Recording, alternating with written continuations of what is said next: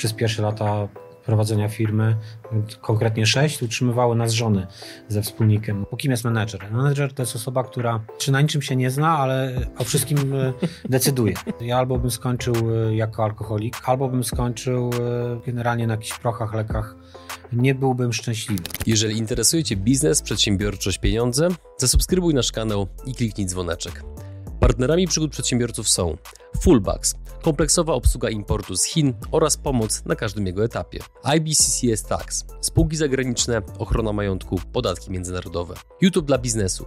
Wejdź na przygody.tv i zobacz, jak wiele mogłaby zyskać Twoja firma dzięki YouTube z naszą pomocą. Milky Ice. Budujemy sieć punktów z lodami w Dubaju i Abu Dhabi, a wkrótce w innych krajach. Odezwij się, jeśli chcesz działać z nami. Linki do partnerów znajdziecie w opisie filmu. Dzień dobry drodzy widzowie, Adrian Gorzycki, Przygody Przedsiębiorców. Witam Was w szczególnym, nietypowym odcinku, który zaraz się dowiecie, dlaczego taki jest. Natomiast to naprawdę już były bardzo, bardzo różne branże, ale ten temat, który będzie dzisiaj poruszany, który jak się okazuje jest potężną częścią polskiego PKB, poruszany jeszcze nie był. A moim gościem jest Grzegorz Klimarczyk. Dzień dobry. Cześć. O czym będziemy rozmawiali, powiedz Grzegorzu? Generalnie będziemy na pewno jakieś przygody przedsiębiorców e, poruszali, jakby dzielili się doświadczeniem. Natomiast e, w obszarze naszego oczywiście zainteresowania, czyli elektronizacji przetargów. Elektronizujemy przetargi tak jak wspomniałeś, to znaczna część PKB 300 miliardów w 2021, czyli ponad 11% PKB. Kupa forsy. Tak, i wydajemy je nieefektywnie. A my mamy misję, żeby wydawać je efektywnie i żeby generować szanse sprzedaży dla rzeszy przedsiębiorców. No i teraz, nim przejdziemy do szczegółów, to powiedz mi, jak to się w ogóle zaczęło? No bo niektórzy przedsiębiorcy wpadają na takie trywialne pomysły, jak na przykład sprzedaż lodów, czy kebabów i tak dalej, a wy siedzicie w przetargach i chcecie jeszcze je elektronizować, co absolutnie trzymam kciuki, no bo widziałem taki ostatnio raport, że Polska chyba jest na 24 miejscu, na 27, jeżeli chodzi o cyfryzację gospodarki, więc zakładam, że wasza praca ma się przyczyniać do tego między innymi, abyśmy z dobrodziejstw elektroniki korzystali troszeczkę bardziej. Niemniej, jak to się zaczęło? E, jeszcze bym nawiązał do tych e, raportów, że tam 24 miejsce. Nie do końca w nie dowierzam. Nie jest tak źle u nas. To akurat jest na plus i uważam, że znaczną część zrobiliśmy. Ciężko jest awansować w tym rankingu, natomiast u nas się to zaczęło tak, że pracowałem dla prezesa Olszewskiego, twórcy Solaris Bus, producenta autobusów. Mieliśmy taką komórkę Solaris Consulting. I w pewnym momencie mm, zespół miał za zadanie poszukanie platform zakupowych. To było w 2008 roku. E, poszukaliśmy, ja analizowałem też ten rynek. Zobaczyłem, że mnie to trochę podnieca, tak wprost powiem. E, że jest coś w tym e, i że jest taka iskierka. Poczułem tą iskierkę e, i nie wierzyłem jeszcze w te słowa prezesa, który powiedział do mnie, jeszcze wtedy zarządzał spółką, nie, nie oddał jej żonie, teraz już jest w rękach Hiszpanów, natomiast jeszcze wtedy powiedział do mnie, że ty i tak kiedyś założysz firmę. A ja nie wiedziałem, o co mu chodzi i w zasadzie nie myślałem nigdy o założeniu firmy, naprawdę. I to był pierwszy raz, kiedy jakby raz, że pomysł, dwa, e, ta iskierka spowodowała, robię to. Chociaż był to szalony pomysł, jak się okazało, bo przez pierwsze lata prowadzenia firmy, konkretnie sześć, utrzymywały nas żony ze wspólnikiem, można tak to nazwać. Dorabialiśmy w weekendy na, w szkole, na uczelni, ale to było to naprawdę na, na, na lody. Co się dzieje w głowie mężczyzny, który przez 6 lat jest na utrzymaniu ukochanej osoby? Nie miałeś wątpliwości? Ojej, wątpliwości były zawsze, szczególnie tam z, z, trzy razy byliśmy bliscy bankructwa. Pocieszałem się, że nie zaczynaliśmy od garażu, tylko nad garażem, więc to zawsze jakaś przewaga nad, nad tymi firmami technologicznymi, zawsze trochę wyżej. E, natomiast zajmowaliśmy chyba najtańsze biuro w Poznaniu, długo, długo go szukaliśmy. To było 38 metrów, dwa poziomy, po około 18 metrów z taletą. E, I było to nad garażem, nad garażem, w bardzo fajnym miejscu zresztą, blisko stadionu Lecha, czyli wizytówki e, Poznania. E, no i powiem tak, że było wiele chwil zwątpienia i zawsze ja mówię tak. Niektórzy mówią, że przedsiębiorca powinien mieć dużą motywację, żeby założyć biznes. To jest tylko 20% uważam prawdy w tym stwierdzeniu, bo 80% to determinacja, żeby przetrwać. Chwilę kryzysu, pewnie ty też miałeś takie chwile zwątpienia. Ojej, ojej. Czyli każdy z naszych widzów e, podobnie przeżywał je i, i myślę, że, że każdy, kto był przedsiębiorcą, to wie o, o czym mówię, że te chwile zwątpienia pojawiają się na co dzień. Ale to, wybacz, ja będę tutaj ten temat trochę drążył, bo uważam, że aspekt mentalny jest bardzo często niedoceniany, jeżeli chodzi o, o biznes, że bardzo często patrzymy na różnego rodzaju wskaźniki, na Excel, na takie rzeczy bardzo twarde, bardzo liczbowe, no a często jednak ta właśnie powiedzmy finezja, ta kreatywność, ta iskra, no to bierze się właśnie z mentalu, więc jak pokonywałeś te momenty zwątpienia? Co robiłeś? Tylko proszę nie mówić alkohol. E, to też, chociaż nie piję faktycznie zupełnie od, od ponad roku.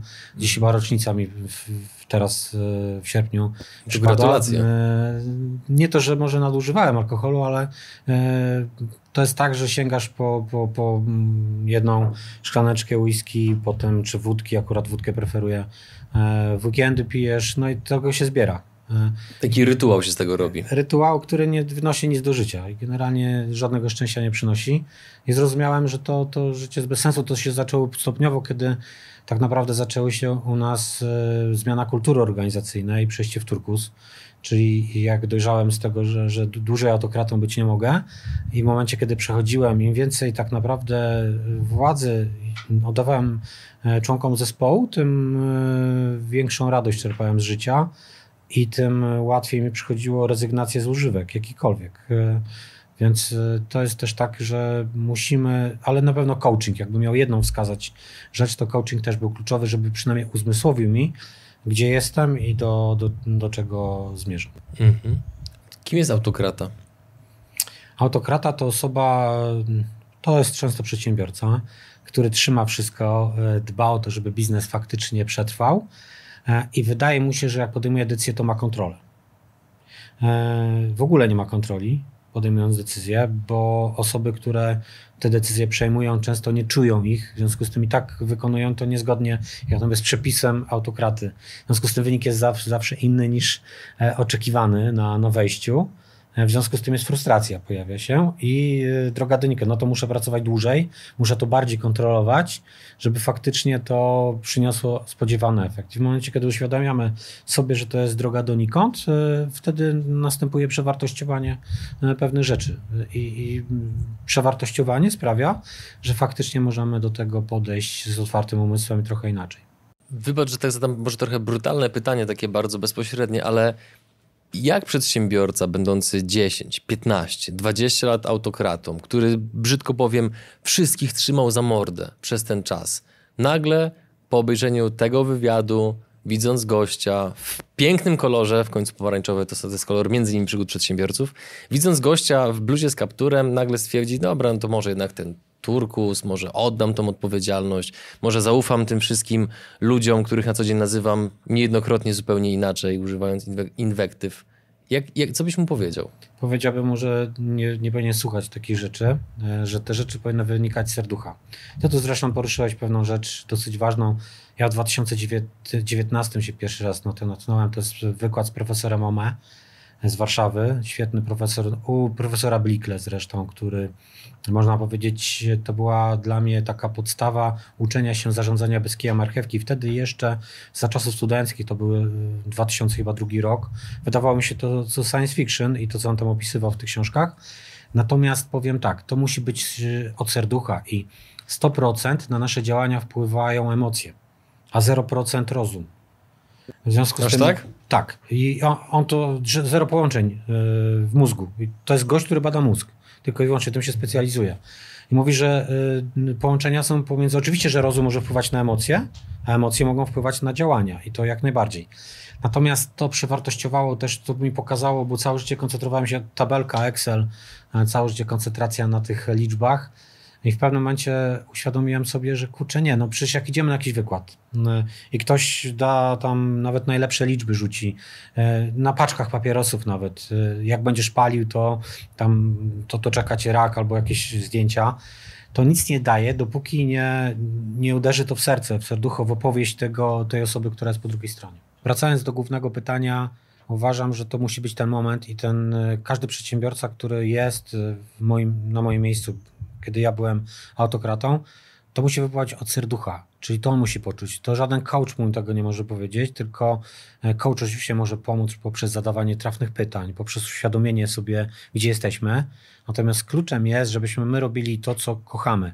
I nawet jak będę autokratą, a ja to kocham i jestem szczęśliwy, to spoko. Nie wiem, czy, czy, czy patrząc na Ilona Maska, czy on jest, um, ma styl technokratyczny. Raczej um, bardzo często mówi się historie, w których jakby zwalnia w windzie, znaczy to to akurat Jobs, ale zwalnia w różnych okolicznościach niezbyt miłych, więc on jest po prostu sobą i tyle. Jeżeli mu to nie przeszkadza i osiąga sukces z tym, z tym swoim stylem, to uważam, że nic nie powinien zmieniać. To jest kwestia, czy my się dobrze czujemy. Ja się niedobrze czułem już e, w tym stanie i to spowodowało zmiany. Gdybym się dobrze czuł, czemu ktoś ma coś zmieniać? Nawet jak jest autokratą. Mhm. Także odpowiedź przewrotna. Natomiast e, uważam, że to jest e, od serducha. Nim przejdziemy do przetargów, to jeszcze jedno pytanie a propos turkusu, bo przygotowując się do tego nagrania, natrafiłem na takie informacje w internecie, które prawdopodobnie nie będą zaskoczeniem dla ciebie, a mianowicie to, że wciąż wielu ludzi, zwłaszcza w Polsce, bo głównie tutaj robiłem research, wciąż wielu ludzi nie ma zaufania do tego stylu. Ludziom się wydaje taki troszeczkę utopijny, bardzo odjechany. Jakby jak ty do tego się odnosisz? To jest y, zgoda, 100%. To jest y, być może utopijny, to się okaże dopiero, nie wiem, za 10 lat, będę mógł, się spotkamy na przykład, to wtedy powiem ci tak, słuchaj, Adrian, to było utopijne.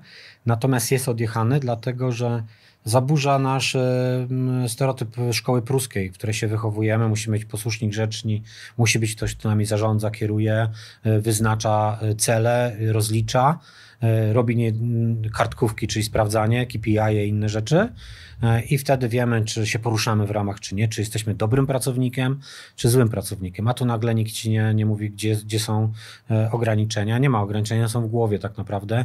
Bierzemy za coś odpowiedzialność i tu jest ten problem pierwszy. Czyli nie każdy chce brać odpowiedzialność, z tym się zgodzę. Po to pomysł w ogóle na książkę Turkusowe Rewolucje, e, którą, którą wspólnie piszemy, żeby budować świadomość ludzi, czy, ta, czy ten kolor organizacji jest dla mnie. Bo on jest bardzo wymagający, powiem więcej. Z 35 osób w zespole, 17 w przeciągu dwóch lat e, zostało zwolnionych, no dobra, dwie. Jedna samodzielnie odeszła, druga dojrzała, żeby odejść, a 15 zespół podziękował. Zespół podziękował. Tak. Czyli zespół zwalniał. Tak. Jak to się odbywa, że zespół zwalnia? W mniej lub bardziej cywilizowany sposób. Kiedyś mniej, bo się tego uczyliśmy. E, najczęściej jest tak, że zespół ma autonomię, więc podejmuje decyzję, że dana osoba nie pasuje do nich. To nie jest kwestia, że ona jest zła i to też jest najważniejsze. To jest kwestia, że mamy jakiś zakres odpowiedzialności, która jest istotna dla nas i musimy ją obsadzić ludźmi, którzy są w zespole. I nieraz, nieraz jest tak, i chociażby osoba była najlepsza na świecie, że my mamy pewien zakres odpowiedzialności, która jest w zespole, a nie ma chętnych do, do obsadzenia tych umiejętności, a osoby, które są, nie chcą ich brać. Tak w skrócie tej, tej odpowiedzialności. Wtedy zespół czuje, że, że to nie, nie, nie idzie we właściwym kierunku i podejmuje każdy inaczej bo, bo każdy ma inny stopień dojrzałości. Jest też taki zespół, który w ogóle się nie zmienił przez 5 lat. Tam tylko osoby dochodziły na przykład i nie, nikt nie, nie odszedł z tego zespołu, więc to nie jest regułą, że ze wszystkich zespołów, e, we wszystkich zespołach była taka rotacja, ale powiedzmy sobie tak, jak e, ja zatrudniałem, to zatrudniałem według jakiegoś własnego klucza, nie zawsze najlepszego i zatrudniałem osoby, które nie do końca pasowały ze sobą w zespole. Jeżeli ten zespół zdobył pełną autonomię, to jak ty byś, nie wiem, chciałbyś współpracować z kimś tu w przygodach przedsiębiorców, z którym się nie lubisz albo... E, nie ma takich do, osób. Ale do których nie ma zaufania, ale mhm. oni taki stan mogli, mogli coś takiego, od, od takiego stanu zacząć. Tak. E, bo wtedy nie mieli wpływu na, na, na to, czy, czy, czy kogoś zwalniali, czy nie. Więc na, naturalną pierwszą reakcją jest to, że chcemy współpracować z kimś, do kogo mamy zaufanie. Jeżeli nie ma żadnej kontroli, bo to jest druga, nie, nikt na tobą nie stoi, nie sprawdza, nie, nie monitoruje, w związku z tym no, chcesz pracować z ludźmi, do, które, do, do której ma zaufanie, nie musimy mówić, co ma robić. Mhm. I myślę, że to jest najtrudniejszy etap i to wymaga, i to jest utopijne, utopijne dla kogoś z zewnątrz, bo uważa, że to się nie uda. To się uda, ale długoterminowo. Ja powiedziałem, że przemiany u nas będą trwały minimum dwa lata, ale się pomyliłem. One nadal trwają, mm, przekroczyliśmy dwa lata przemian, to jest trzeci rok e, i uważam, że one będą trwały cały czas, już nie w takim, e, przy takiej dynamice jak kiedyś, ale one będą cały czas trwały. Podrążę. Jak wygląda zwalnianie ludzi przez zespół w organizacji turkusowej? Czy tak sobie właśnie uświadamiam, że chyba przynajmniej u nas są jakieś pewne elementy turkusu, bo my kiedy zwalniamy pracownika, no to najpierw rozmawiamy z każdym indywidualnie, jak ci się pracuje z daną osobą. No i jeżeli większość głosów jest, no, że kiepsko, że nie dowozi, że właśnie nie ma tego zaufania. No, jak nie ma zaufania, to w ogóle nie ma mowy o sympatii praktycznie, no bo jednak spotykamy się, umówmy się w tym miejscu po to, żeby każdy zarobił na chleb, a nie po to, żebyśmy się bawili w piaskownicy. No to wtedy my się z taką osobą żegnamy. Ale jak to wygląda e, u was? Jest jakieś zebranie wszystkich pracowników i nagle e, idą jakieś karteczki, ktoś liczy i nagle ten liczący mówi, dobra Grzegorz, wylatujesz. Albo na Zoomie może, o, rozłączamy cię. Niestandardowo, e, każdy zespół trochę inaczej. Są jakieś ramy w kodeksie honorowym. I najpierw e, trzeba dużo rozmów odbyć jeden na jeden, czyli osoba, która się podejmuje mediacji, czy też coachingu, tak to bym nazwał, bo to może, może w dwóch kierunkach iść, albo w kierunku podniesienia danej osoby, albo w kierunku e, docelowo zwolnienia. Nie wiemy, który kierunek obierze ta, ta osoba, która jest po tej drugiej stronie. To jest szereg rozmów najczęściej. Różnie, to trwało nieraz u niektórych osób nawet rok, takie rozmowy. E, I dopiero kiedy rozmowy nic nie dają, e, to Dajecie pewnym, rok na naprawę? Niekiedy nawet dłużej. E, Dlaczego? Niekiedy... Czyli jakby wybacz mi mój ton, ale jakby szokuje mnie taki, taki, taki odcinek czasu. Wiesz co, bo to, to jest tak, że to nie jest jednoznaczne, że dana osoba nie pasuje. My też podchodzimy do tego bardzo otwarcie i szukamy osobom też miejsca w organizacji. Jeżeli na przykład widzimy, że ona nie dowozi, bo na przykład jej zakres zadań versus jej kompetencje, talenty, bym to tak nazwał, nie jest dobrany, to być może znajdziemy, uda się znaleźć jej miejsce i wiele osób tak znalazło. Czyli jest, są osoby, które przychodziły na, nie wiem, z kontrolingu finansowego, osoba przyszła, jest najlepszym, najlepsza w sprzedaży.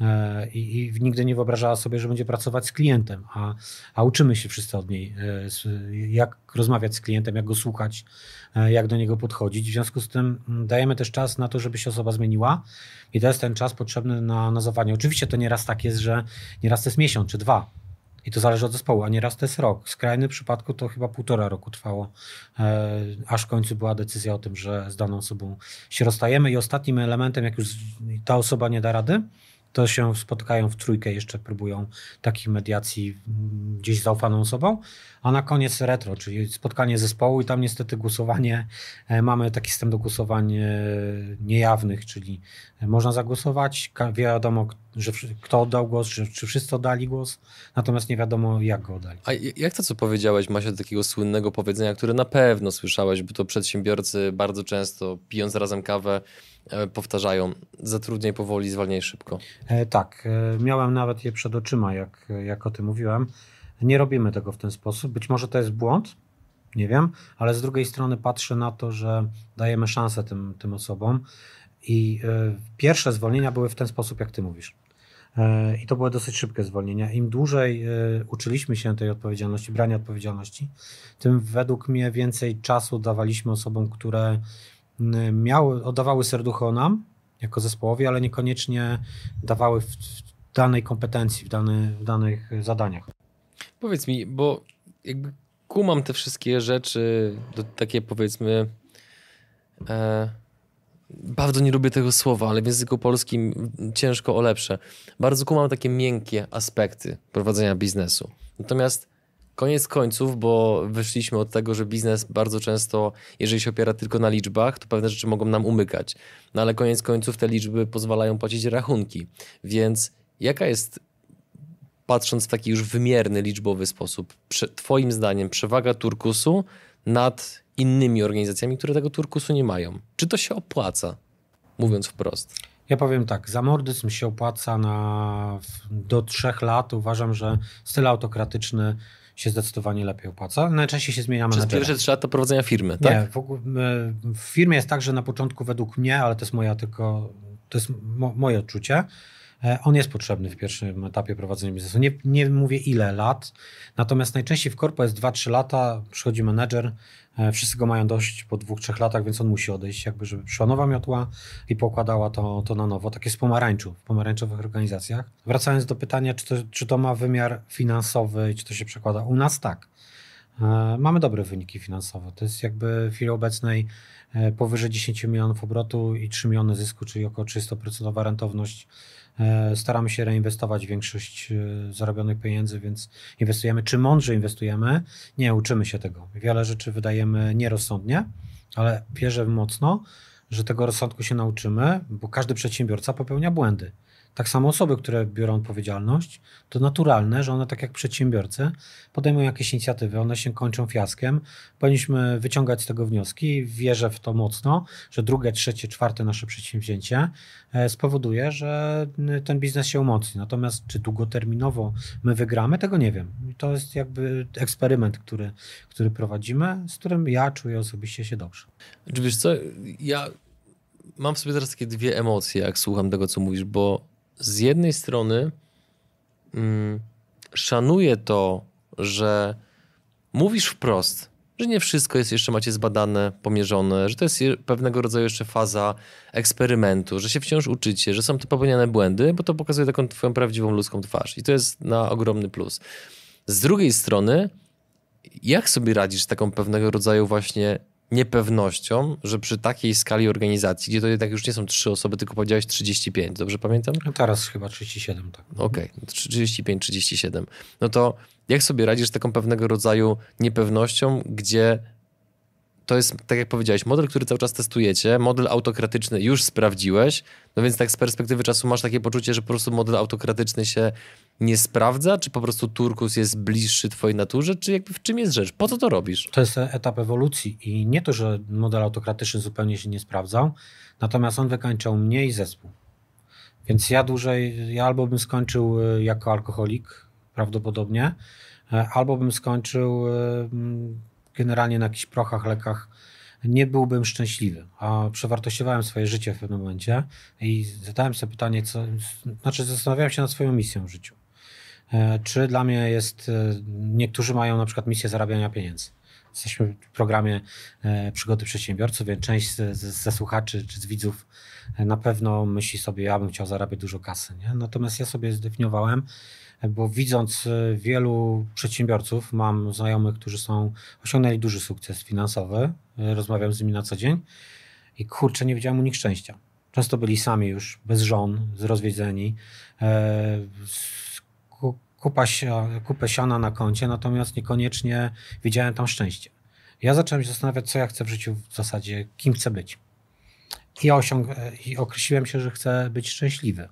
To jest bardzo proste, i przez ten pryzmat podejmuje swoje decyzje. I zadam sobie pytanie, czy jako dalej autokrata, który wszystko kontroluje, który pracuje po 12 godzin dziennie albo i dłużej, czy ja będę szczęśliwy?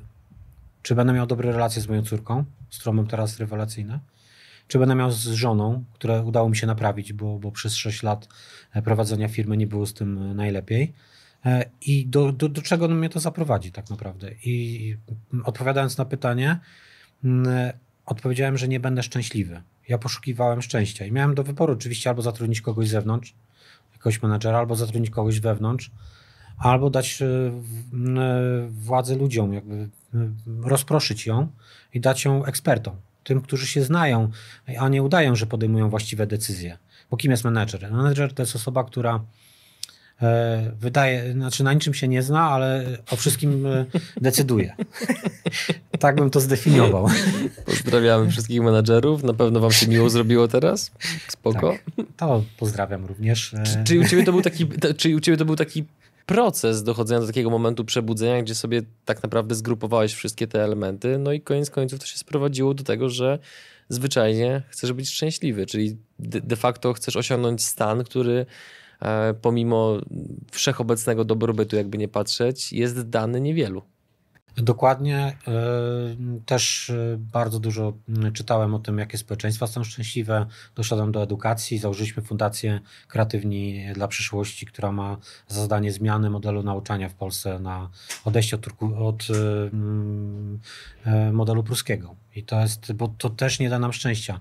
Inspirowałem się chociażby Finami, którzy są bardzo szczęśliwi jednym z bardziej szczęśliwych narodów. Oni mają potencjału bycia najszczęśliwszym. Ani są na południu e, w słonecznych, e, słonecznych krajach. Gdzie jest też, trochę łatwiej. Tak, nie mają dużo nadmiar słońca.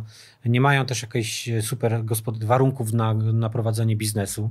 A jednak e, są szczęśliwi. To odpowiedź e, znalazłem, że w 80 latach dokonali e, zmiany reformy edukacji na taki, który no, sprzyja byciu szczęśliwym, który wyzwala kreatywność wśród uczniów, którzy ich nie ocenia, który nie skazuje i teraz wracamy, zataczamy krąg. Dlatego mm, Turkus w naszych warunkach wydaje się mm, przewrotny i wydaje się nierealny, odjechany nawet, dlatego że my nie jesteśmy przygotowani po pruskiej szkole, wejść i brać odpowiedzialność, nikt, nikt, nas nie kontroluje, my mamy wyznaczać cele, no co, co ty wygadujesz? W związku z tym, tego punktu widzenia, tak, jest trudno, dlatego że jest mało świadomych osób, które chcą faktycznie pracować. Jeżeli jesteście, oglądacie ten program, mieszkacie może w Poznaniu, jesteście świadomi, to dołączcie do naszego zespołu, bo to jest ten, to jest ten moment. Szukamy takich osób, które faktycznie chcą być przedsiębiorcami i zawsze się dla takich znajdzie miejsce.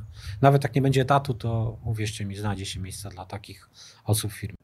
Teraz wejdę na taki bardzo grząski grunt, ale drodzy widzowie, słuchacze, umówmy się, robiłem to już nie raz. Część z was za to mnie lubi, część nienawidzi, a nadal oglądacie, nie? Więc kontynuując, ile ty masz lat? Mm, tylko kobiet się o wiek nie pyta.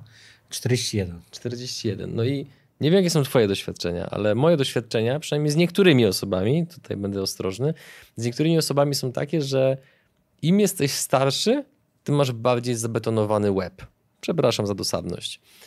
A ty, pomimo tego, że no nie masz 20 lat, tylko jesteś nieco starszy, dokonujesz rewolucji w umyśle swoim, dokonujesz rewolucji w strukturze całej firmy, masz wpływ na kilkadziesiąt osób robisz teraz ten materiał, wydaliście książkę, którą tak na marginesie za chwilę poproszę cię, żebyś pokazał. E, starasz się wywołać dobrą zmianę. I, I naprawdę to jest wywołane tylko i wyłącznie tym, że miałeś po prostu taką rozkminę a propos szczęścia, nie było niczego mocniejszego, typu jakiś może, nie wiem, wypadek samochodowy, albo zrobiłeś coś, coś karygodnego, otarłeś się o więzienie, albo nie wiadomo co, że nastąpiło to przebudzenie. Bo mi się aż to, aż trudno mi uwierzyć, że nagle, wiesz, pojawił się pomarańczowy anioł. E, wiesz co, taki moment był e, w momencie, kiedy e, mogłem stracić moją żonę i tak to poczułem. Czyli... O, widzisz, o i teraz zaczynamy, słuchamy, panie tak, Grzegorzu. Tak, to jest osoba, którą, która mi dała najwięcej szczęścia. I jak sobie zadałem pytanie bycie szczęśliwym, to jakbym stracił te bliskie mi osoby w życiu mhm. e, i bym wylądował tak jak większość tych przedsiębiorców, którzy osiągnęli sukces, a którzy, którzy byli już, mówiłem o tym, bez, bez żon, tak, tak. E, rozwiązani. Zapłacili cenę. Zapłacili cenę, to ja powiedziałem, że tak nie chcę. I nawet jakby się to miało skończyć, ten eksperyment, nazywam to eksperymentem, skończyć e, naszym bankructwem, to i tak uważam, że to jest warte, dlatego że po pierwsze ta zmiana cała, która się dokonała u nas, i nie chciałem stracić jeszcze drugiej. Dużo bardzo bliskich mojemu sercu ludzi w, w zespole, a wiedziałem, że autokratycznie bym ich stracił. Także to jest kolejne, czyli raz życie rodzinne, przesuwam się dalej, w pracy również e, te osoby, które są mi bliskie, z którymi chcę współpracować, które e, dużo mi dały, dużo energii pozytywnej mi dają, też bym je stracił długoterminowo, no bo one by się wykończyły z takim szefem. W związku z tym e, to jest taki lęk przed utratą czegoś, co jest dla nas najcenniejsze. E, co jest najbardziej wartościowe. I myślę, że to był taki e, punkt, e, punkt zwrotny, że, że chciałem coś w tym życiu zmienić i chciałem podejść, przewartościować to życie, że nie ciężka praca, sukces, pieniądze, tylko szczęście. A co będzie dalej? To, to życie przyniesie. I powiem więcej. Przez te trzy lata nigdy, po, po pierwsze, na wieku 39 chyba lat czy 8 zacząłem się nazywać, zacząłem uczyć się nazywać emocje. Czy ja jako facet po polibudzie, tabelkowo myślący, nie nazywałem emocji, e, teraz je nazywam. Mało tego, bardzo dużo rozmawiamy ze sobą. Nie tylko w zespole, ale i też e, w życiu, więc zacząłem rozmawiać z innymi. A wcześniej jakby to było na zasadzie e, krótko, takich krótkich komunikatów, komunikatów i od zadania mm. do zadania. No i chociażby ta rozmowa i to otwarcie jest warte nawet chociażby tego, że mielibyśmy upaść, co nie wierzę oczywiście i bardzo mocno wierzę w nas, zespół, ale przeżyjemy jeszcze nie jedną trudną chwilę i wiem, że z niej wyjdziemy. Wyjdziemy mocniejsi, lepsi, e, a nie kierujemy się, y, nie kieruje się osobiście pieniędzmi. Nawet część udziałowców miało mi za złe to, bo pojawił się fajny, duży inwestor ze Szwecji e, i odrzuciłem jakby tą propozycję, bo miałem to, taką możliwość w umowie wpisaną. Ile było baniek na stole? Powyżej 40. Natomiast plus opcje. Na, na, natomiast, więc ciężko to policzyć tak, tak dokładnie, tam były jakieś udziały w innych, w innych spółkach. Natomiast właśnie znowu definicja, czy ja będę szczęśliwy? Nie, bym musiał odejść. Czy zespół będzie szczęśliwszy? Nie czułem tam wartości, czyli ten inwestor nie dałby niczego nowego nie wiem, jak jest inwestor, który wchodzi, daje mega sieć rozwojową, e, sieć sprzedaży, e, łącząc, łącząc produkty, osiągamy efekt bardzo fajnej synergii. To zupełnie być może inaczej bym na to spoglądał, ale tutaj było tylko zero Ja zgarniam kasę, pewnie udziałowcy też, natomiast co dodaje firmie? Według mnie nic. Poza tym, żebyśmy zaczęli myśleć tabelkowo, chcąc nie chcąc, chociaż był Szwe to był szwedzki inwestor, który naprawdę miał kulturę bardzo taką inną niż amerykańskie, które są nastawione na, na zysk, więc na pewno się wyróżnił. Świetni ludzie zresztą, poznaliśmy ich, y, mega, mega fajni, natomiast według mnie no, oni tak muszą myśleć kategoriami zainwestowałem X, to musi dać 20% y, czy 10% X po roku, bo bo inaczej nie ma sensu inwestować. W związku z tym wszystko inne musi być podporządkowane wynikowi finansowemu, a my teraz go możemy osiągnąć, ale nie musimy. E, jak go osiągniemy, to jest fajne, bo jesteśmy, e, bo mamy satysfakcję, że wykonaliśmy dobrze swoją robotę, że budujemy fajne fundamenty pod przyszłość e, naszą i, i, i być może jeszcze przyszłych pokoleń. A jak nie osiągamy, to wiemy, że musimy coś poprawić. Ale nie mamy bata nad sobą, że musimy coś zrobić, tylko możemy. I to jest fajniejsze niż jak ktoś ci mówi, że, że musisz. Tutaj, drodzy widzowie, słuchacze, zwracam się do zespołu, który siedzi e, backstage'owo. Mądry facet, nie?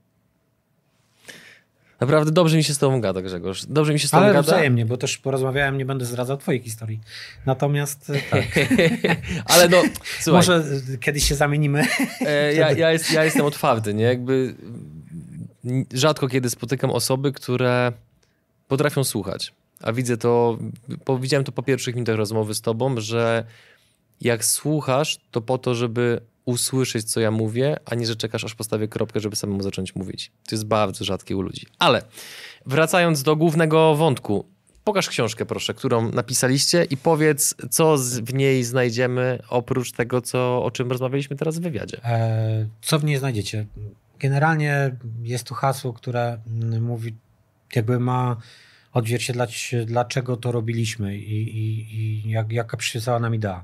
Wybierz kolor organizacji świadomie i pokieruj swoim życiem prywatnym oraz zawodowym. I to jest takie przesłanie tej książki. Czyli chcemy pokazać trudności wprowadzenia turkusu jako takiego, pokazać, że to nie jest idealny kolor organizacji, idealna kultura. Że każda kultura ma, oprócz czerwonej, bo czerwona to mafina, czyli tak w skrócie taki, zrobię pigułkę, czerwona mafia, Bursztyn to policja, to są spółki Skarbu Państwa, tam gdzie rządzi hierarchia. Sektor państwowy. Sektor państwowy, ale też e, Kościół chociażby, no generalnie tam gdzie hierarchia. Kościół, to jest dobry e, temat. Mm, pomarańcz, e, czyli korporacje, najczęściej najlep najlepsze wyniki. Ze wszystkich kolorów według mnie pomarańcz ma osiąga najlepsze wyniki, tylko konsekwencje są tego, że... Jakim kosztem się, pytanie? Tak, koszt jest y, nie... I długoterminowo turkus, bo, bo o tym też warto, długoterminowo uważam, że będzie przynosił dużo wyższe y, wyniki niż pomarańcz, ale trzeba dać mu czas. Trzeba dać czas na nauczenie zespołu podejmowania świadomych decyzji, koordynowania tego, bo jak powstaje coś oddolnie, a nie odgórnie, to jest chaos. Także jak ktoś y, wejdzie do firmy turkusowej, a lubi poukładane życie, no to niestety źle trafił. I to też o tym piszemy, że żeby nie rozczarować kogoś, że wejdziesz, to jest e, kraina miodem e, i mlekiem płynąca. To nie, nie, nie do końca. Jest potem jeszcze zielony, czyli bardziej organizacje pożytku publicznego, niekiedy firmy rodzinne, małe, gdzie tam jest klimat najważniejszy, że, że naprawdę się, te, osoby są zatrudnione od lat w takim fajnym, fajnej atmosferze, potrafią, duża sieć e, Strabak mówi, że jest zielona. Czy jest, to nie wiem według mnie chyba nie, ale być może się mylę, bo według mnie trudno utrzymać zielony kolor długoterminowo e, w ryzach tak, tak dobrze. Jeżeli to jest mała firma, to spoko. Jak tam przedsiębiorca, który lokalny, który gdzieś dba o tych pracowników, swoją, e, jak czytałem kiedyś o Nutelli, to według mnie Nutella była w momencie założenia przez właściciela właśnie taką, taką zieloną firmą, Wedel też e, jeszcze w, w latach, kiedy powstawał, początkowych, też bardzo wiele dla pracowników robił, też bardzo dbał o nich. Tworzył taki zielony klimat według mnie, nie nastawiony na pomarańcz, na, na wyniki. To był taki właścicielski, właścicielska wizja tych, tych organizacji. Natomiast one najczęściej w firmach się nie sprawdzają. Ostatni to jest Turkus, to jest takie uproszczenie kolorów. Ich jest więcej jeszcze tych kolorów. Natomiast, jeszcze więcej? Tak, ale dla potrzeby nasze, nie teoretyczne, tylko praktyczne, to jest jeszcze właśnie Turkus, to jest już to dolne kierowanie firmą i celem. Drodzy widzowie, słuchacze, słuchajcie, w tym momencie robimy cięcie, jeżeli chodzi o e, organizację turkusową. Teraz porozmawiamy sobie troszeczkę o przetargach, więc jeżeli to Was nie interesuje, a zachęcam mimo wszystko, żebyście zostali, bo nigdy nie wiadomo, jak się potoczą Wasze losy. Niemniej, jeżeli to ten porozmawiamy, was... przepraszam, o tym szansa sprzedaży dla nich. Dokładnie. Jak, jak, możecie zarobić hajs na przetargach, nie? Jakby mówiąc to jeszcze bardziej uproszczonym językiem. E, ja tylko jeszcze tak zamykając klamrą, bo e, ktoś może powiedzieć, pomyśleć, nie żebym się tym przejmował, ale chcę to wyprostować.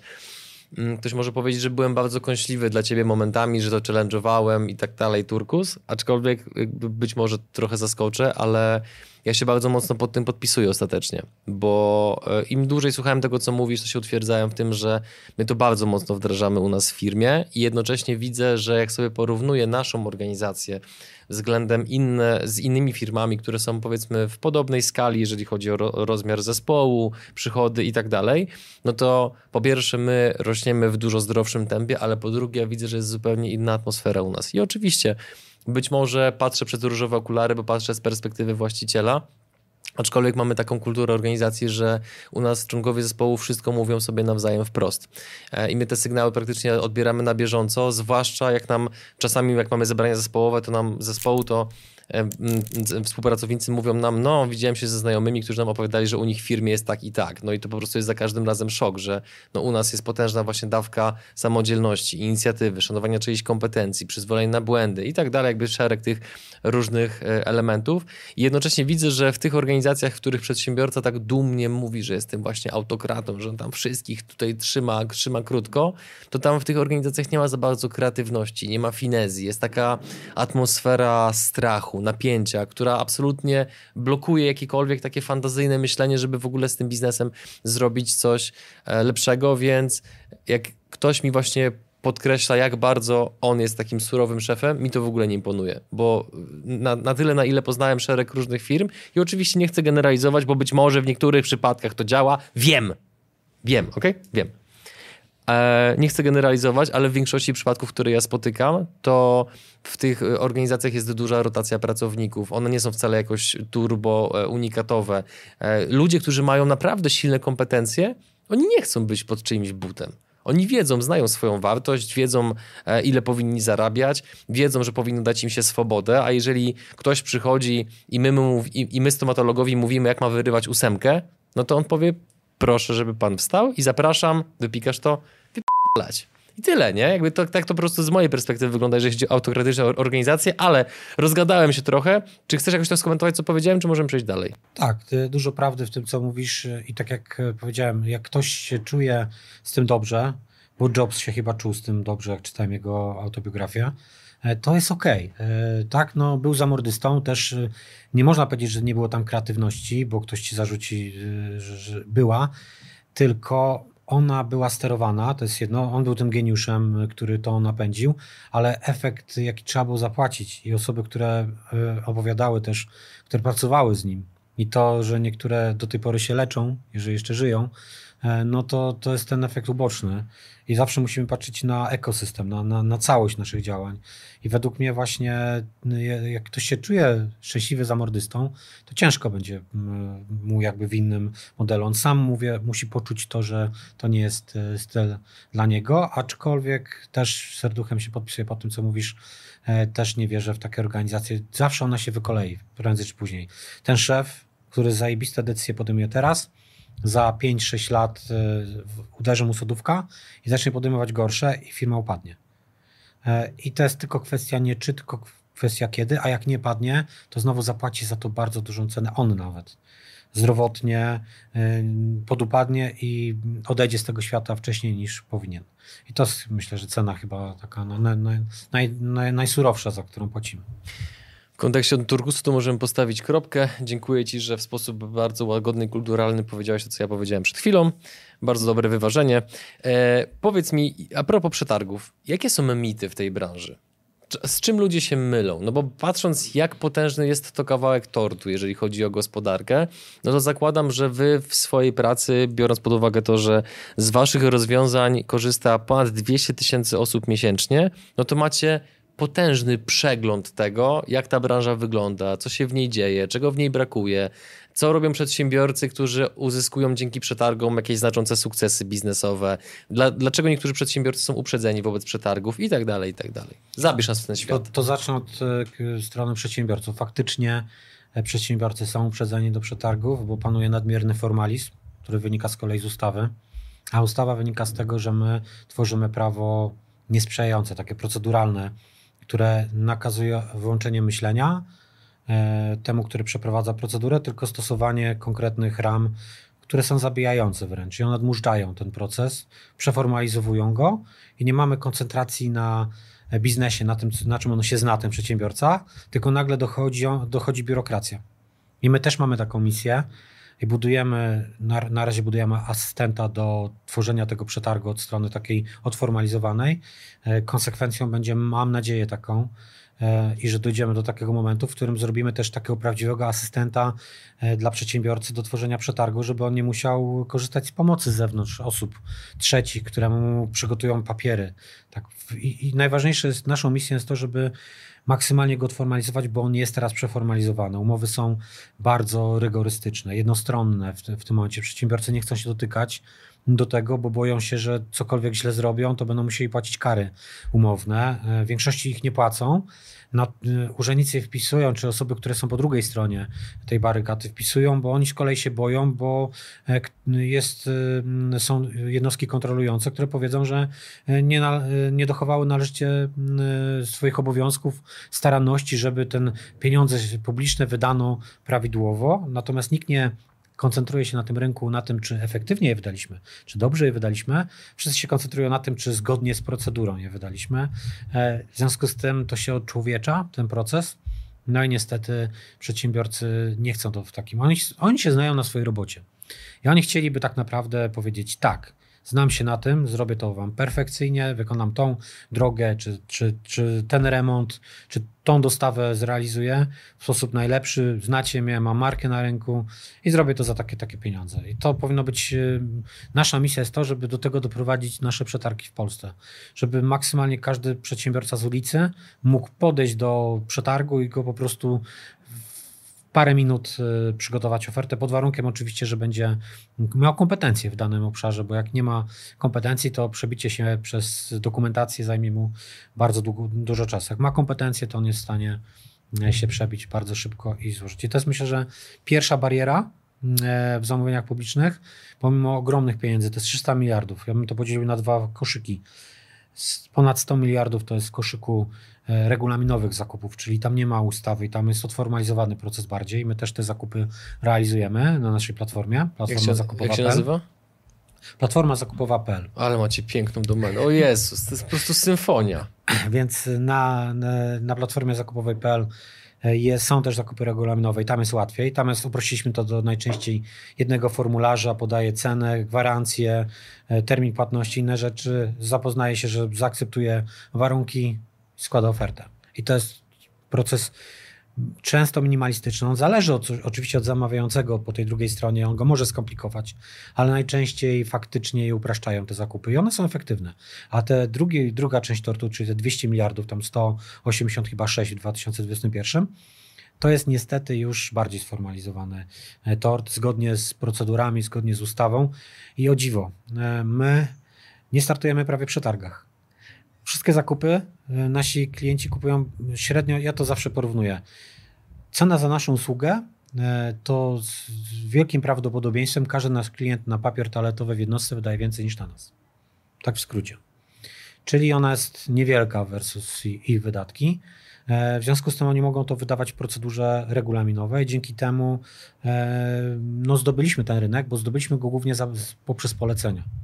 Czyli jeden urząd to wdrożył, zastosował, osiągnął sporo oszczędności. Takim fajnym przykładem, myślę, jest prezydent Starachowic, najmłodszy prezydent w kraju, który dochodzi do władzy.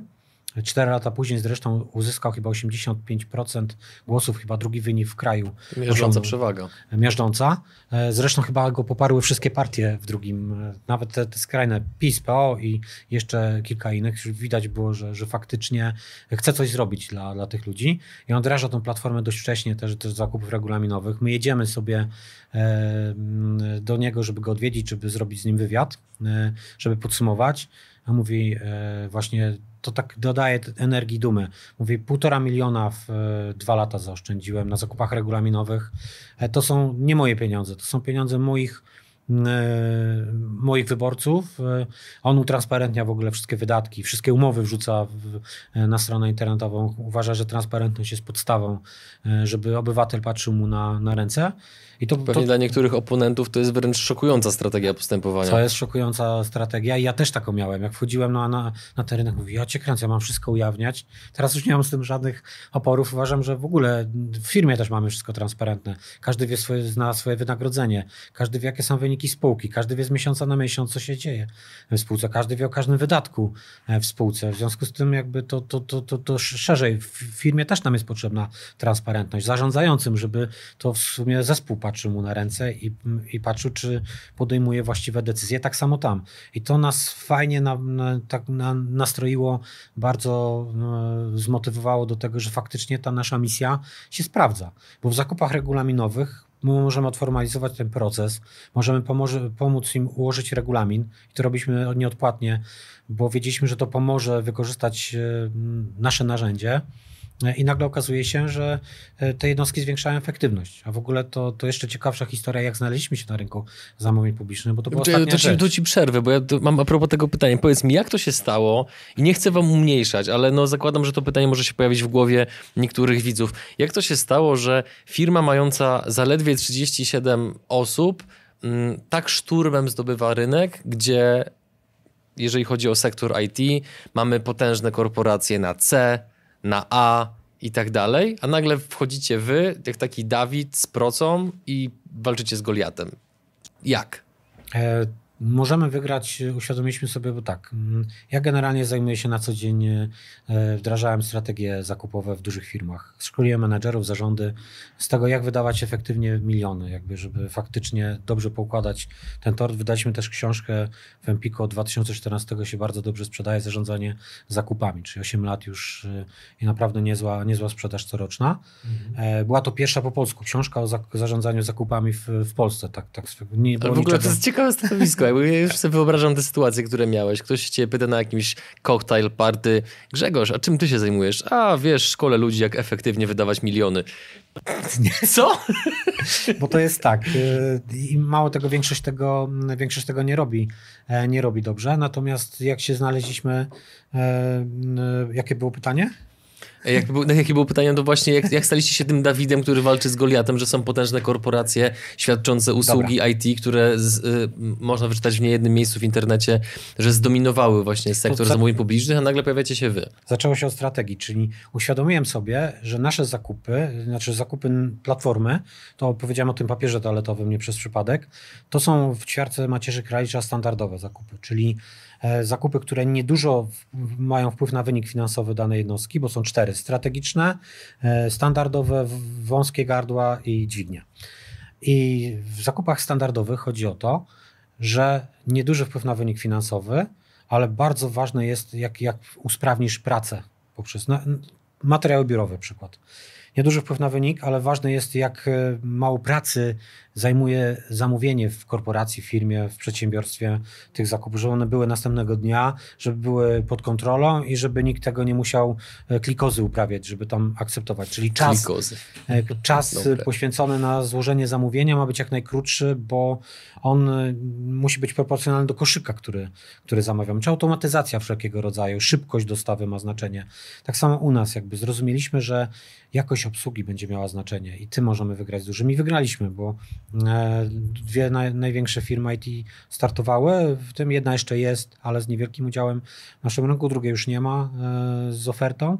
E, no i tylko jakością usług możesz wygrać w tym momencie, a co za, o tym decyduje? Ludzie. Czyli jak masz ludzi, którzy... Tu wracamy do turkusu. Tak, i to myślę, i to jest fenomen, bo działamy głównie dla bursztynowych organizacji, tak trochę o kolorach było. Działamy dla bursztynowych i turkusowe oni to doceniają. Oni to doceniają, bo na co dzień nie mają tej, tej przestrzeni. My ją dajemy często. E, dajemy przestrzeń do porozmawiania, do wysłuchania E, tak jak wspomniałeś, że, że, że staram się słuchać, to też jest kwestia, że mnie do tego, mnie tego nauczył zespół i e, tego nauczył mnie Turkus, żeby zacząć słuchać i zacząć słuchać tak na, od serducha, na poważnie, co tam druga strona ma do przekazania. I tak samo słuchamy klientów i, i często wysłuchanie ich i znalezienie rozwiązania, pomoc im, to takie sytuacje, jak nie wiem, Agencja Restrukturyzacji i Modernizacji Rolnictwa, dzwoni dyrektor po 20 do mnie nie wiem skąd miał telefon, szczerze. Nie, nie, nie wiem e, skąd, ale miał. Dzwoni do mnie, mówi: Panie Grzegorzu, my musimy do 12 przetarg wystawić, a wasza platforma nie działa. Mówię: Ja, nie działa platforma, już tu dygotanie serca. E, natomiast pierwsze co mówię, no spróbuję pomóc. Nie, e, mówię: Kto ten przetarg wystawia? No pani Ania. Proszę dać telefon, wysłać mi SMS-em, ja zadzwonię, pomogę. No i z panią Anią chcę przejść przez ten proces, żeby zobaczyć, co nie działa, żeby ewentualnie zgłosić to do, do chłopaków z IT. A ona mówi, nie, nie, panie Grzegorzu, to nie, to wasz system działa. Nie działa ten rządowy, a to jest, oni mają obowiązek publikowania tych przetargów na rządowym. Nie działa ten rządowy. Ja nie potrafiłam tego dyrektorowi tak szybko wytłumaczyć, bo byłam zdenerwowana, ale nie działa ten rządowy. Mówię, no to pani Aniu, ja nie potrafię, bo ja nigdy przetargu nie publikowałem na rządowym, ale znam Przemka, który jest w naszym zespole, zadzwonię do niego, bo on tych przetargów się trochę nawystawiał, e, może pomoże. Dzwonię do Przemka po 20. Przemek, pomożesz pani Ani? A on mówi, no pewnie, że pomogę. Mówię, no zadzwonię i zobaczę, co, co się da zrobić. Oprzedł, bo wiedział, jakie są obejścia tego rządowego systemu. Udało im się opublikować i ta laurka dzień później, którą otrzymaliśmy, e, ta, ta radość, e, mimo że powinienem powiedzieć, to nie, no platforma działa, w związku z tym... To nie mój problem. To nie mój problem. Ale właśnie u nas tak nie ma i nie ma czegoś takiego, że to nie jest nasz problem. Innym takim fajnym przykładem, który mnie napawa i daje mi taką energię, to był COVID, ciężkie czasy Ministerstwo Zdrowia miało własną platformę wdrożoną z przetargu. Ja wspomniałem, że w przetargach rzadko uczestniczym albo prawie w ogóle. No i pomimo, okazuje, że je obsługujecie. Pomimo, że obsługujemy przetargi, to jest fenomen. A nie chcemy startować okay. w przetargach, bo widzimy, że to jest sformalizowanie, czyli ten klient za naszą usługę w przetargu musiał zapłacić kilkukrotnie wyżej, bo my byśmy musieli wycenić jego nierealne potrzeby, które do końca nie sprawdziłyby się w życiu, a jeszcze dodatkowo musielibyśmy mu wystawić za to fakturę. Źle byśmy się z tym czuli. Czyli robienie coś tylko dla pieniędzy to nie jest dla nas. I uznaliśmy, dobra, są może firmy, które robią coś dla kasy, to to, to, to zrobią. My chcemy zrobić coś dla klienta, a jeżeli wdrożyliśmy ponad 3000 klientów, to my wiemy, jak ten proces powinien wyglądać. I nikt nam nie musi mówić, y, co trzeba zrobić, żeby efektywnie wydawać te pieniądze. My to wiemy. I jak nam klient zaufa, to kupuje też know-how. I to jest ta usługa, która to jest ta wartość, którą się kupuje, że nie kupuje się tylko oprogramowanie, ale kupuje się też wiedzę i pomoc ludzi. Ale wracając do, do, do przykładu, który COVID wybucha, Ministerstwo Zdrowia e, ma własną platformę wybraną z przetargu. E, I, w, I tutaj chce dużo zakupów poza procedurą. Nie ma, ma narzędzia, ale nieużywalne, tak, tak w skrócie mówiąc. E, i zwraca się do nas z zapytaniem, czy byśmy nie zrobili, nie wdrożyli platformy. My to robimy 24 godziny, nie pytając się, nigdy nie wzięliśmy za to pieniędzy, bo to nie był cel. E, Jędrzej, który to wdrażał, chociażby to po nocach to, to robił, następnego dnia już mieli system przygotowany. 3-litrowe jednostki jeszcze akceptowały wszystkie te zamówienia, więc musieliśmy całe workflowy zrobić, żeby poza przeprowadzeniem procedury szybkiej, zebraniem ofert, także jednostki kontrolujące mogły zatwierdzić ten, ten szybki zakup. I to, to, to wdrożenie się udało 24 godziny. I odebraliśmy im ten dostęp tylko w momencie, kiedy się COVID skończył. Jak już powiedzieliśmy, że OK, e, nie ma, no to w tym momencie odpuszczamy. Jeżeli chcecie, to skończy się Wam umowa obecna, to, to wrócimy do rozmów. Natomiast nie było tam nawet słowa o pieniądzach i to od nas osoby zrobiły z czystego serducha. Nie trzeba by ich motywować nawet do tego, żeby po nocach robiły, bo to nie tylko Jędrzej. Jędrzeja wymieniłem, ale całe Centrum Wsparcia Klienta, które, które było. Wiele też osób z ZRK, z całego zespołu, trenerzy. Także to sztab ludzi nad tym pracował, żeby faktycznie tego klienta uruchomić, żeby on mógł, bo czuliśmy tę misję, że teraz to jest potrzebne, żeby faktycznie upłynnić te zakupy kluczowe, krytyczne, bo one generalnie mogą ratować życie. I to są takie historie, które generalnie pokazują, że jest ta, ta ludzka strona tego i myślę, że to klienci u nas kupują. Ta, taką autentyczność, bo oni się przekonują, że to nie jest tylko powiastka, tylko oni to później nam na takich małych, drobnych przykładach doświadczają i mówią, kurczę, ale oni są fajni, a jak są fajni, to polecamy ich. I większość naszych wdrożeń jest przez polecenia, właśnie nie przez mhm. takie twarde dotarcie do, do rynku, ale przez polecenia, czyli zataczamy krąg, jak to się stało, że nam się udało. Klienci o tym zdecydowali, a klienci decydowali, bo ludzie e, dali radę, e, świadczący tę usługę, czyli nasz zespół, a nasz zespół dał, dał radę, bo czujemy się tym zespołem jako, jako jedność. Nawet jak przeżywamy te słabsze chwile, to, to dajemy radę, tak w skrócie mówiąc. To ja teraz ci wezmę pod włos. Jesteś gotowy? Dawaj. No bo zobacz. Gadamy o Turkusie. Mówisz, że pojawia się w pewnym momencie inwestor, jest tam 40 baniek na stole plus opcje. Z, z, z kolejnej strony mm, pokonujecie, można powiedzieć, czołowe korporacje w Polsce. Z czwartej strony mówisz, że no tu, tu zrobiliśmy bezpłatnie, tu jest w cenie, tutaj nam na pieniądzach nie zależało. Więc koniec końców coraz bardziej przyjmujecie rynek rozrastając się, bo być może w głębi duszy ty wiesz, że 40 milionów to nie jest uczciwa cena za waszą firmę. Może, 4, może 400 milionów to jest bardziej uczciwa cena. Nie, to poruszyłeś też kwestię. Czyli chodzi o pieniądze, czy nie? Nie, nie, to na pewno też e, trzeba docenić e, to, co się robi. I jakby jedna sprawa, że absolutnie e, nie czułem, to jest w tym prawda. Natomiast nawet gdyby padła ta kwota, którą sobie, jakby powiedziałem, jako minimum. Jakie było minimum?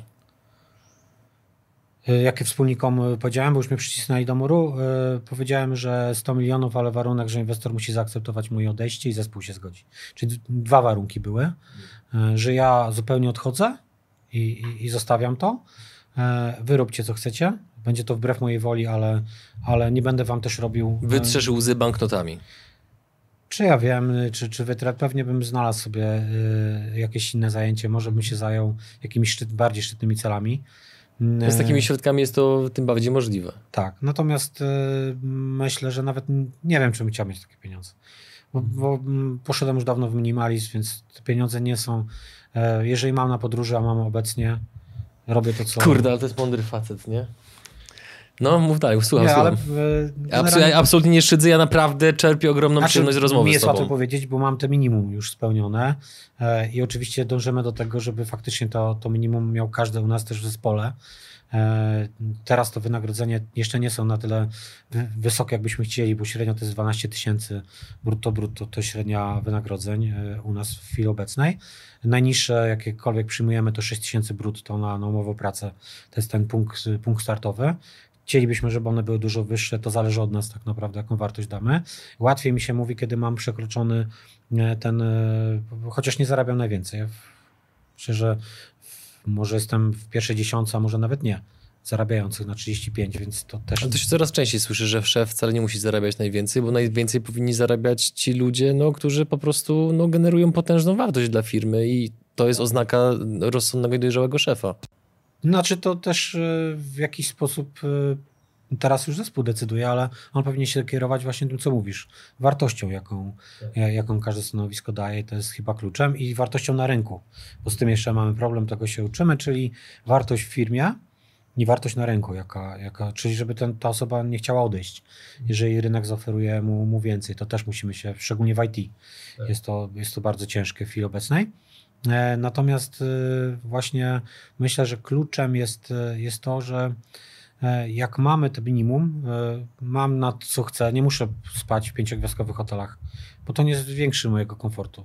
Będę spał w trzygwiazdkowych i też będzie ok. Będę spał w pokojach gościnnych, które będą czyste, schludne, ładne i nie będzie klima, nie będę musiał tam e, będzie przy, przy jeziorze, przy morzu, przy jakiejś fajnej lokalizacji, to mi to wystarcza. Czyli nie, nie, nie mam potrzeby, nie wiem, jeść kawioru. No. Nie masz ciśnienia na materializm. Tak, i to jest mhm. jakby, i to powoduje, że nie, to co te decyzje, które podejmujesz są bardziej świadome, bo kiedy byś miał, kiedy miał być takie marzenia, e, takie gdzieś, które mm, podbudowują twojego i budują, no to faktycznie jest e, ciężko. Nie, nie jestem minimalistą, bo to było za daleko, absolutnie nie, nie odmawiam sobie wszystkiego w życiu, natomiast staram się ograniczać swoje potrzeby do takich, które dają mi szczęście, czyli zawsze definiuję to przez pryzmat e, szczęścia, czy daje mi to. I dzięki temu, nie wiem, ten rok podsumowując, przez rok 11 wyjazdów z Turką do Energylandii. Niezapomniane chwile, zareklamujemy 11 do Energylandii? Tak, tak, zareklamujemy Jesteście uzależnieni chyba, Kurczę. Trochę jesteśmy,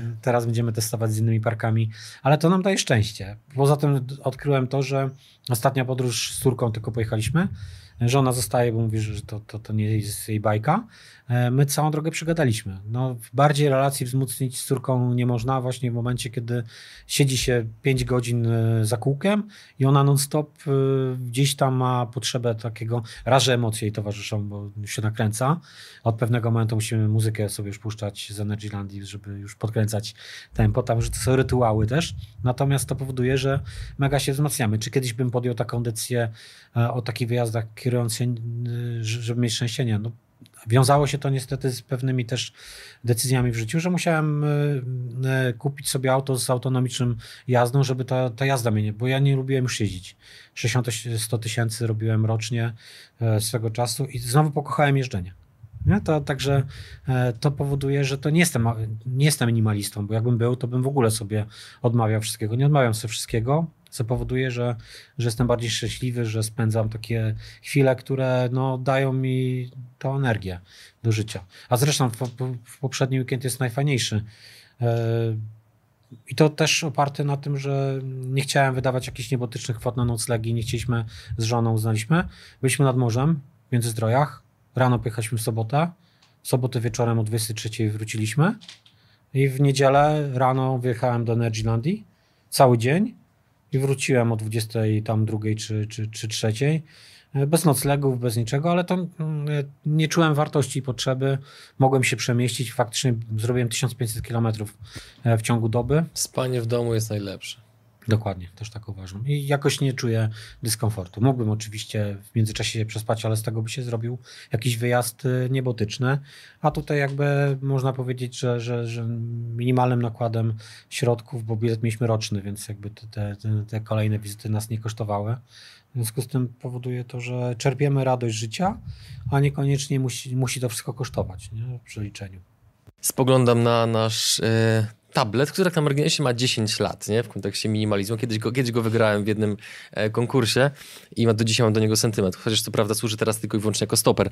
Ale e, tablet pokazuje mi, że już przekroczyliśmy 60 minut, więc z jaką myślą nas zostawisz, kończąc powoli wywiad? E, a więc chciałbym Was zostawić e, i odesłać do strony Turkusowe Rewolucje.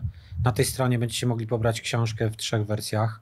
E, zobaczcie tak naprawdę, kim jesteście i do jakiej kultury organizacji pasujecie. I myślę, że to jest najważniejsze, żebyście znaleźli swoje szczęście w życiu. A jeżeli Wam pomożemy, to podobnie jak Ty na samym początku mówiłeś, że, że, że bawicie to, że pomagać przedsiębiorcom i że to napełniać, daje Ci energię, to... Tak, tutaj satysfakcji ogrom, ogrom. To podobnie jest u nas.